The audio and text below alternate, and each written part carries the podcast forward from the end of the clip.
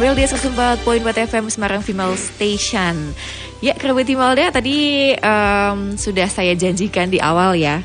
Kalau untuk uh, hari Rabu ya seperti biasa juga kita gabung di sahabat keluarga. Kayak Mbak Ika harus maju dikit. Nah, saya udah kasih bocoran juga udah, udah mention nama Mbak Ika. Jadi Mbak Ikanya ada di sini kerabat ada di sahabat keluarga. Selamat pagi Mbak Ika. Selamat pagi. Assalamualaikum warahmatullahi wabarakatuh. udah lama banget Lama ya. banget Gak siaran bareng ya Mbak ya. Iya. Biasanya saya suka ngerecokin Mbak Ika. Mbak Ika minta tolong.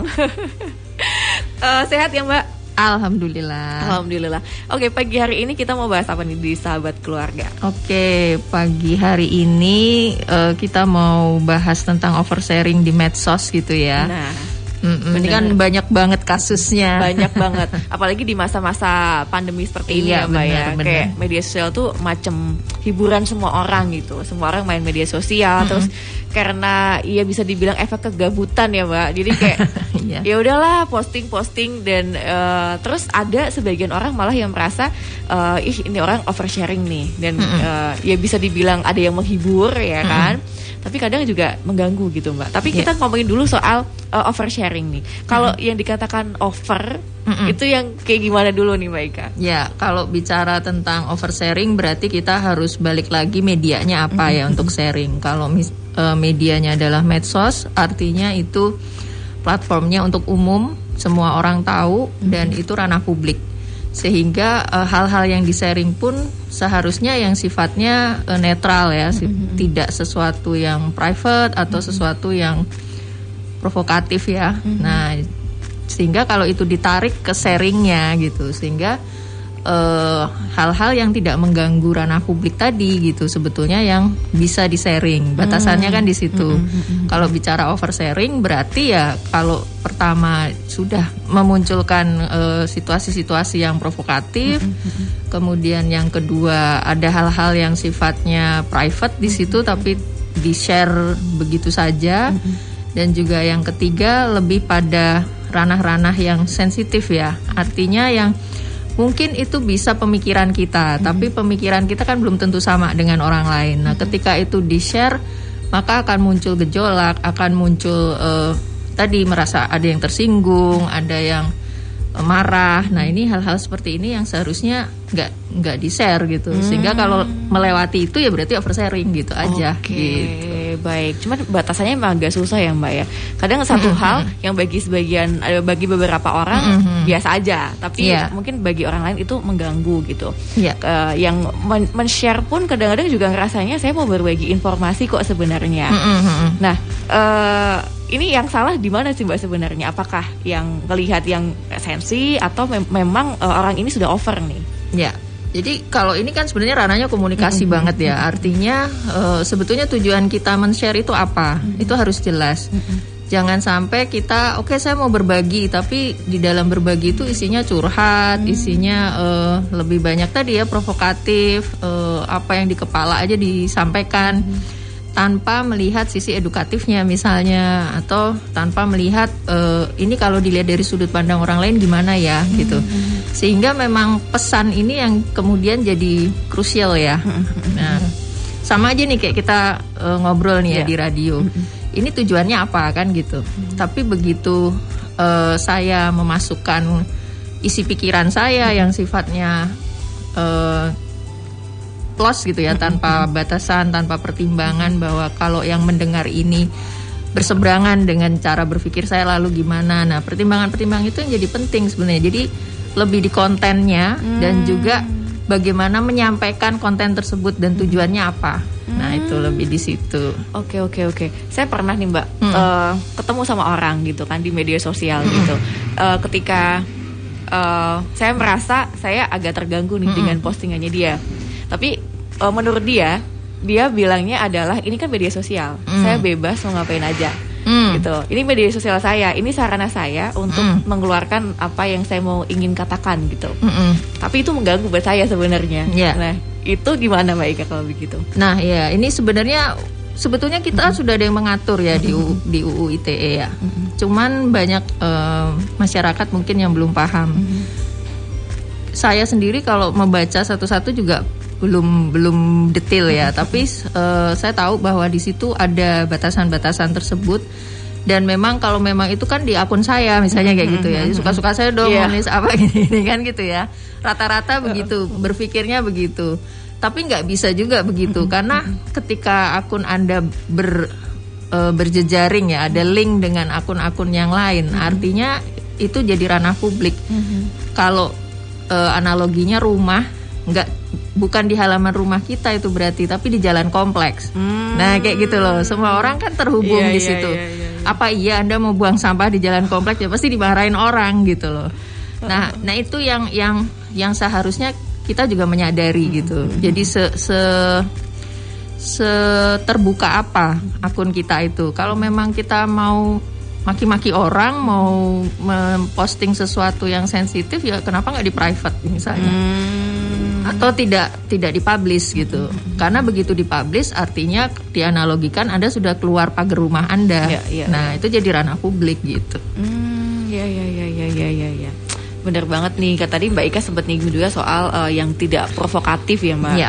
Karena kan sekarang juga banyak uh, sekali hal-hal yang terjadi ketika uh, tadi seorang mengungkapkan apa yang dia uh, ada di pikirannya di media sosial terus akhirnya malah di komen-komen kolom komentar itu bikin kayak ada dua kubu gitu mbak Ika hmm. ada yang setuju ada yang enggak dan malah terus jadi berantem, jadi berantem. juga di situ dan berantemnya itu terbawa ke realita ya. itu lebih bahaya gitu ya Padahal awalnya hanya oh. di medsos dunia maya namanya juga maya gitu tapi buntutnya ini loh begitu ketemu orangnya gebukin. Nah kan kan bahaya gitu. Nah, jangan sampai lah seperti itu gitu. Iya iya ya. udah dapat uh, sedikit kuncinya kerabat Timalda soal oversharing tadi uh, yang masalah provokatif tadi ya. Nanti kita lanjut lagi Mbak Ika okay. ya balik lagi di sahabat keluarga di rangkaiannya Women Profile ya kerabat Timalda pagi hari ini bersama psikolog Mbak Ika dari Fakultas Psikologi Undip kita bahas soal oversharing di media sosial. Itu sebenarnya hiburan ataukah gangguan? Nah uh, sekarang ini dulu deh uh, kita tanya dulu sama Mbak Ika sebenarnya yang masuk kategori tanda-tanda udah oversharing itu apa aja Mbak Ika? Mm -mm. Tadi di depan udah kita diskusiin bareng ya Mbak. Tapi uh, pada dasarnya indikator oversharing tadi adalah bahwa uh, ini kaitannya dengan ranah privasi. Mm-hmm. Artinya ada hal-hal yang seharusnya nggak patut ya mm-hmm. muncul tapi itu dimunculkan. Misalnya konflik rumah tangga. Hmm. Kemudian uh, ini beberapa waktu yang lalu ya konten-konten dewasa hmm. itu kan sebenarnya nggak patut gitu hmm. untuk dipertontonkan atau meskipun ada yang bilang itu kan uh, shock terapi buat pelakunya gitu. Hmm. Ada yang bilang begitu, tapi tetap saja uh, sebagai yang menyebarkan itu, itu pun nanti kena kena hmm. sanksi gitu ya di undang-undang ITE kan sudah juga ada gitu. Jadi nggak hanya yang pelaku di dalamnya, tapi yang nyebarin juga kena akhirnya. Kemudian uh, tadi yang kedua adalah uh, hal-hal yang terkait dengan sensitivitas ya. Artinya kalau itu kemudian menyinggung uh, kelompok lain, menyinggung atau kaitannya dengan ras, suku, agama ya, sara. Kemudian uh, terkait dengan gender, kadang-kadang kan ada bullying di situ, ada penghinaan, ada pelecehan dan sebagainya. Nah, ini juga masuk dalam kategori yang sebetulnya ya boleh sih orang berpendapat, hmm. tapi kan di kepala masing-masing gitu. Ya, ya, Ketika ya, ya. itu dibagi dan itu merasa itu kan di akun-akun saya gitu, tetap menjadi uh, oversharing ketika itu publish ya. Ketika tidak hanya kita yang bisa membaca atau menikmati itu, tapi juga orang lain analoginya tadi ya bahwa uh, akun kita memang ru halaman rumah kita, tapi begitu itu terpublish artinya kita sudah lewat dari pagar rumah gitu. Artinya misalnya di jalan kompleks dan sebagainya. Sehingga itu ranah publik atau ruang publik. Kemudian provokasi. Nah, ini juga yang sekarang menjadi sangat-sangat sensitif ya. Ini polisi sibuk banget ya nangkepin orang. Karena provokatornya banyak dan dari segala penjuru ya dari entertainment dari apa tuh bisa saja tiba-tiba memprovokasi sesuatu gitu. Nah, e, ranah provokasi ini artinya e, menimbulkan atau menyulut kemarahan dari pihak-pihak lain. Ini termasuk dalam kategori yang sudah oversharing. Seharusnya kalau kita menunjukkan sesuatu yang misalnya fakta-fakta yang memang e, ada gap gitu ya dalam realita atau pendapat-pendapat kita yang memang sifatnya mengkritik atau memberi masukan. Artinya konten tersebut tujuannya untuk apa? Untuk mengedukasi atau untuk membuat orang lain marah Hmm. atau eh, untuk membuat orang lain menyerang yang lain gitu. Itu kan beda. Kalau memang mau menunjukkan itu ya buatlah fakta yang berimbang gitu. Jadi plus minusnya apa, Itu kemudian baru pendapat kita. Sehingga orang yang membaca pun juga nggak cuman ngelihat negatifnya dan dia juga masih punya materi untuk mempertimbangkan apa sependapat dengan kita atau enggak gitu. Hmm, oke begitu. Nah sekarang juga kita kan banyak kayak eh, influencer mbak. Nah, itu Nah, dia. influencer itu kan kayak bisa dibilang kayak ya panutan lah buat anak-anak Hmm, muda hmm, gitu ya. hmm, hmm, hmm. Eh, itu gimana Mbak Ika? Apakah ya mungkin ini ada juga para influencer yang mendengarkan gitu ya? Dia tetap karena dia panutan ya. Jadi kadang-kadang apa yang dia lakukan, apa yang dia posting itu akan jadi itu tadi eh, panutan juga. Itu gimana Mbak Ika? Nah, saya sendiri eh agak gimana ya, ag- masih terus mempelajari sebenarnya influencer ini seperti apa ya. Karena kalau kita bilang eh, role model ya, kalau dia memang menyadari dia role model, harusnya eh, dia punya satu prinsip atau punya satu tadi tujuan ya balik lagi ke niatnya itu. Niatnya menginfluence orang itu sejauh apa seperti apa itu harus jelas. Jangan hari ini A hari ini B gitu. Tergantung moodnya aja itu namanya nggak influencer gitu ya Coba juga lama-lama. ya lama-lama curhat dan malah menunjukkan kelabilan dia gitu. Nah ini yang kadang-kadang terus eh, anak-anak muda generasi muda itu kayak ke bawah sana ke bawah sini. Nah kan akhirnya jadi begitu. Sehingga gelar influencer tuh harusnya tuh ada standarnya. Hmm. nggak semua orang yang di misalnya di IG-nya eh, followernya Ya. ribuan terus kita katakan sebagai influencer gitu. Malah harusnya masyarakat yang menilai gitu ini cocok nggak digelari influencer gitu? Hanya ha, bukan karena dia eh, followernya banyak atau banyak yang mengidolakan dia maka dia dikatakan influencer gitu. malah kita yang harusnya kasih standar kasih Oke. standar sosial ya istilahnya. Standar sosial untuk seorang influencer yang yang ideal itu seperti apa? Eh, sejauh apa dia bisa merubah perilaku masyarakat yang negatif menjadi lebih baik? Kan harusnya gitu nggak sekedar bisa mempengaruhi tanda kutip ya. Mempengaruhi tambah jelek ya namanya nggak influencer gitu. Nah itu Iya, iya, hal-hal iya, hal-hal kayak gitu tuh yang kok sekarang malah nggak ada. Nih kadang-kadang saya juga mikir ini masyarakat kita ini kenapa? Gitu. Kayak kayak hilang identitas gitu. asal rame Ya. ikut gitu kan asal eh, istilahnya apa viral Iya, ya. asal viral, viral. Ikut. Tapi kalau viral-viral yang positif sih nggak apa-apa gitu. Menunjukkan kepedulian misalnya. Kemudian menunjukkan eh, perubahan dari yang kurang bagus menjadi bagus itu malah nggak apa-apa gitu. Tapi ketika viralnya tuh viral yang aneh-aneh viral yang katanya kan belum pernah. Yang Iya, penting iya. kelihatan gimana.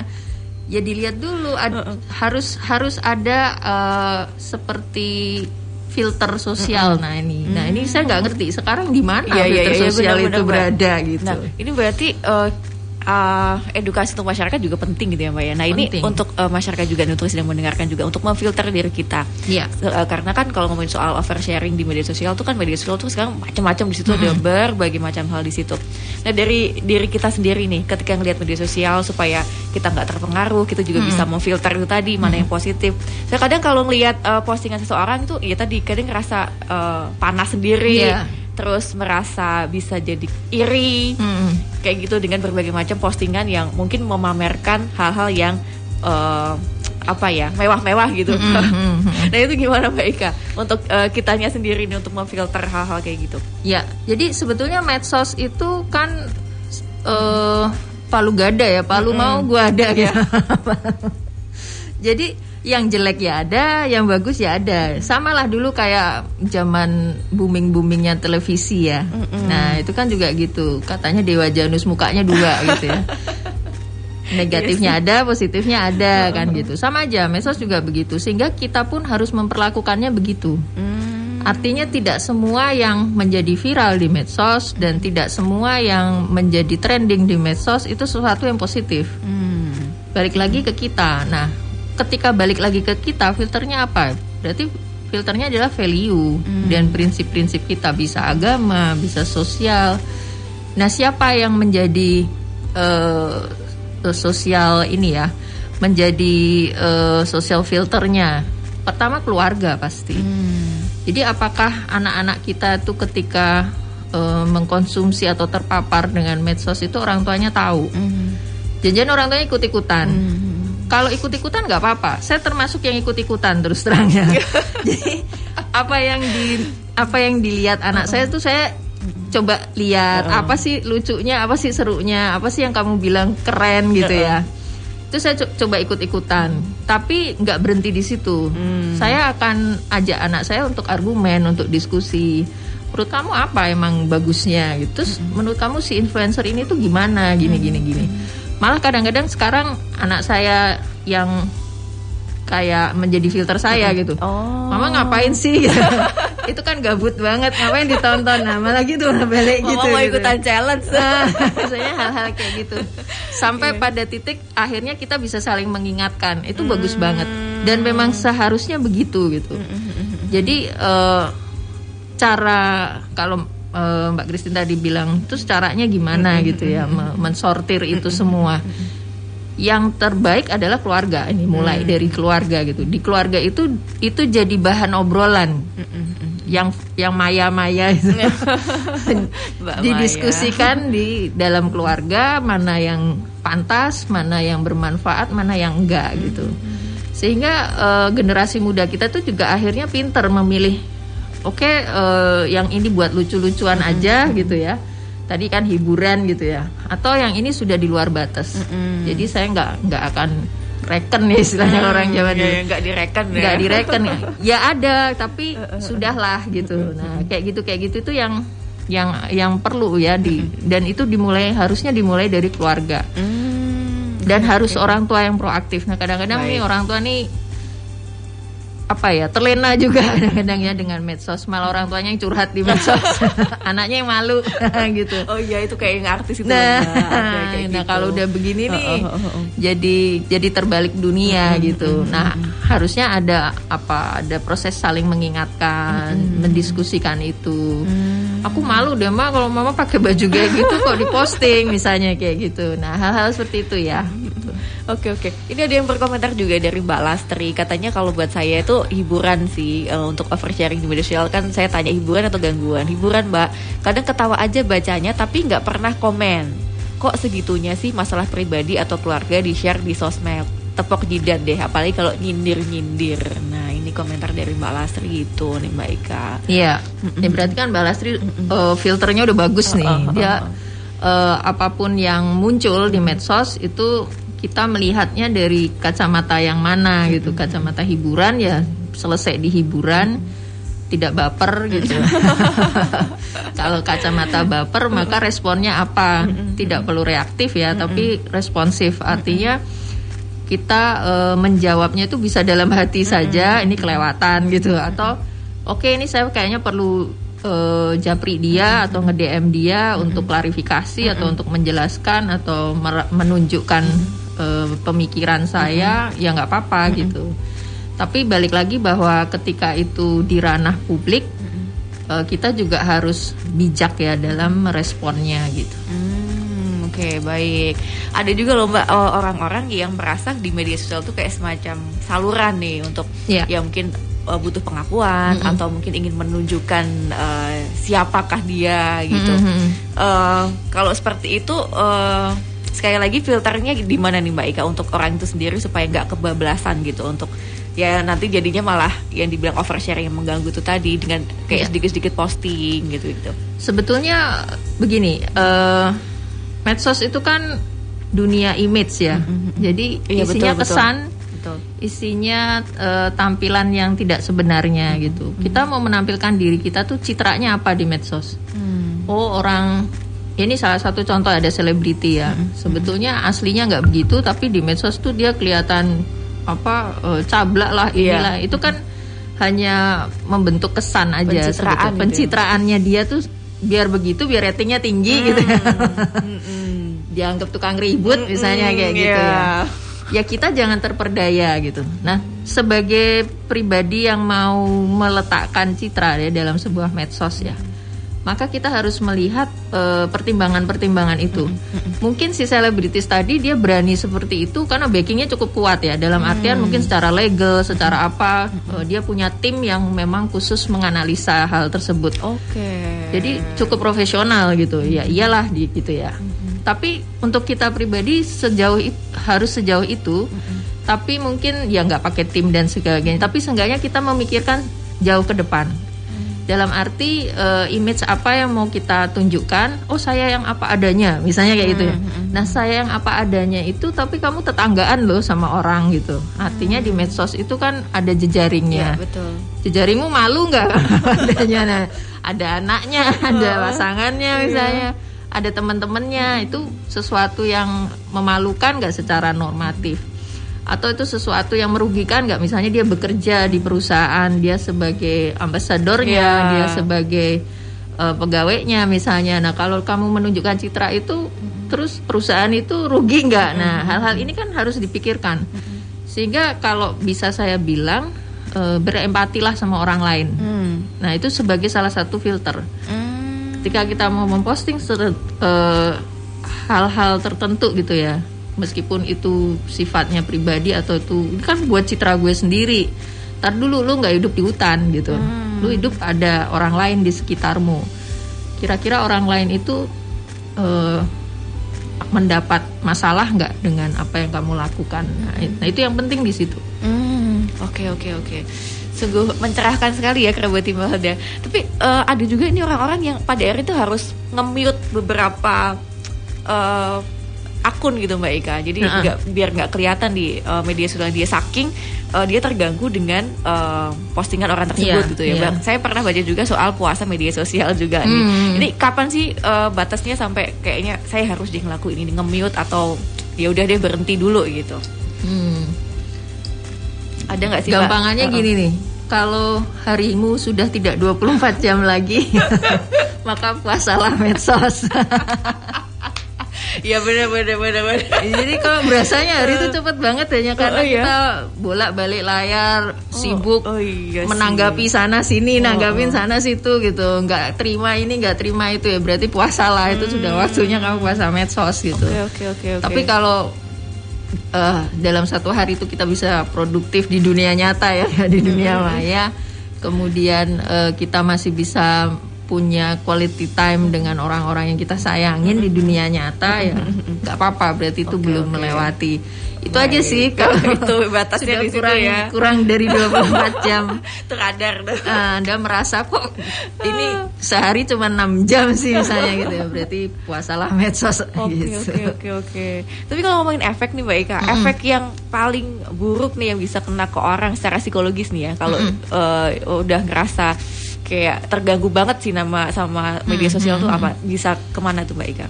banyak ya banyak. Dan kasusnya sekarang mulai mulai marak ya. Jadi misalnya eh, kecemasan gitu ya panik melihat berita-berita yang mungkin sebetulnya hoax tapi karena kita baperan tadi ya semua dianggap bener. Dan hoax pun kalau kita tahu itu hoax pun tapi sudah terlanjur itu kita kebaca Iya iya. itu tetap mempengaruhi eh, mempengaruhi pikiran kita loh. Nah ini yang bahaya kan di situ. Udah terlanjur masuk soalnya informasinya. Meskipun akhirnya ada berita lain yang mengatakan itu hoax gitu ya. Tapi ini udah terlanjur masuk. Sudah terlanjur diproses ya di eh, susunan saraf pusat kita. Itu men- memunculkan kecemasan baru gitu. Hmm, bahaya juga kalau Jadi ya. kadang-kadang kita cuman stalking, kita Ya. cuman lihat sekilas headline semua berita itu kalau tidak dalam kondisi mental yang Hmm. sedang bagus bahaya.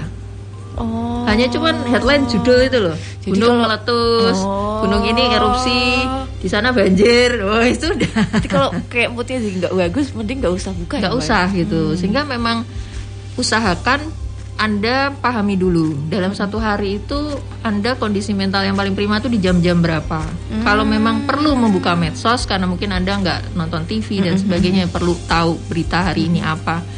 Ya di saat yang paling prima itu dalam artian begitu buka seset-seset Anda nggak terlalu terpengaruh. Hmm. Ya. Dan saya nggak saranin kalau mau tidur terus buka oh jangan bahaya nanti kebawa tidur sampai besok pagi bangun. Nah, malah terus nanti bangunnya tambah nggak karuan oh. gitu. Jadi kalau mau tidur ya hal-hal yang ringan-ringan hmm. gitu, ngobrol sama keluarga atau mulai apa istilahnya meditasi hmm. atau ya hal-hal yang membuat memang kita ngantuk tidur dan nyenyak gitu. Hmm. Tapi kalau anda wow browsing sini, browsing sana, saya jamin nggak nyenyak tidurnya. Oke oke oke oke oke. Baik kita tanggapi dulu beberapa dari kerabat email ada juga Mbak Ika. Kalau Mbak Uli di Kudus katanya dianggap angin lalu aja. Terus ini ada uh, Fatan di Mugasari yang bilang Mbak mau tanya nih ini soal uh, tadi kan Mbak sedikit bilang soal UU ITE, mm-hmm. so ITE-nya jadi keinget yang viral. Itu pernah ada dua sejoli mesum di halte di SMK 34 di kawasan Senen Jakarta Pusat. Mm. Itu viral karena ada yang posting. Terus ada yang uh, video sure 19 detik itu juga viral yang posting padahal sebelumnya sih nggak ada apa-apa gitu. Itu gimana tuh yang posting di Jakpus halte SMK 34 ini bisa dipidana nggak sih tentang UU ITE gitu sih katanya. Kalau yang 19 detik itu kan memang dipidana ya. Dan sudah duluan masuk daripada pelakunya. Kalau yang Senin ini uh, saya terus terang belum belum ini ya, belum mendalami kasusnya. Tapi bisa iya. Oke. Okay. Ketika itu vulgar, kelihatan misalnya nggak di blur, terus tidak ada uh, dan itu di share begitu saja, artinya tidak memention uh, kepolisian misalnya emang untuk melaporkan dan sebagainya hmm. bisa jadi bisa jadi kena pidana juga jadi memang harus hati-hati ya nah. kita memegang bukti uh, satu hal yang sifatnya terkait hukum itu kalau nggak hati-hati men-share bukti itu hmm. kita bisa dianggap terlibat gitu loh Oh hati-hati tuh. Ya, nah ya, itu ya. hati-hati. Tapi itu hmm. seharusnya tidak menyurutkan masyarakat untuk uh, lebih melek uh, iya. dengan hukum, mm -hmm. tapi lebih hati-hati aja mm -hmm. gitu. Kalau memang melihat sesuatu yang nggak benar ya dilaporkan. Mm -hmm. Tapi cara melaporkannya, nah itu loh, mm -hmm. cara melaporkannya itu yang uh, setidaknya kita juga aman gitu ya sebagai hmm. saksi, sebagai uh, masyarakat yang sadar hukum. Nah, kehati-hatian gitu ya. itu yang perlu ya. Jadi nggak asal share gitu ya? Mbak? Ya nggak asal share. Kalau memang mau dilaporin ya laporin aja ke polisi. Ini buktinya saya tadi lihat jam sekian sekian sekian gitu. gitu. Oke. Okay. Ini seru banget obrolan pagi hari ini. Semoga juga banyak membawa manfaat juga untuk anda kerabat Himalda. Tapi nggak berasa juga ini waktu udah mau habis. Jadi yang terakhir deh Mbak Ika yang mau disampaikan hmm. buat kerabat Himalda. Ya, jadi uh, medsos itu kan sebetulnya sebetulnya kan alat ya. Mm-hmm. Sama semua media itu kan alat. Mm-hmm. Yang penciptanya pun di awal pasti tujuannya adalah e, membuat manusia itu lebih mudah ya mm-hmm. atau e, mendapat kemajuan dengan alat tersebut. Mm-hmm. Nah, sayangnya semua buatan manusia itu selalu ada plus minusnya. Mm-hmm.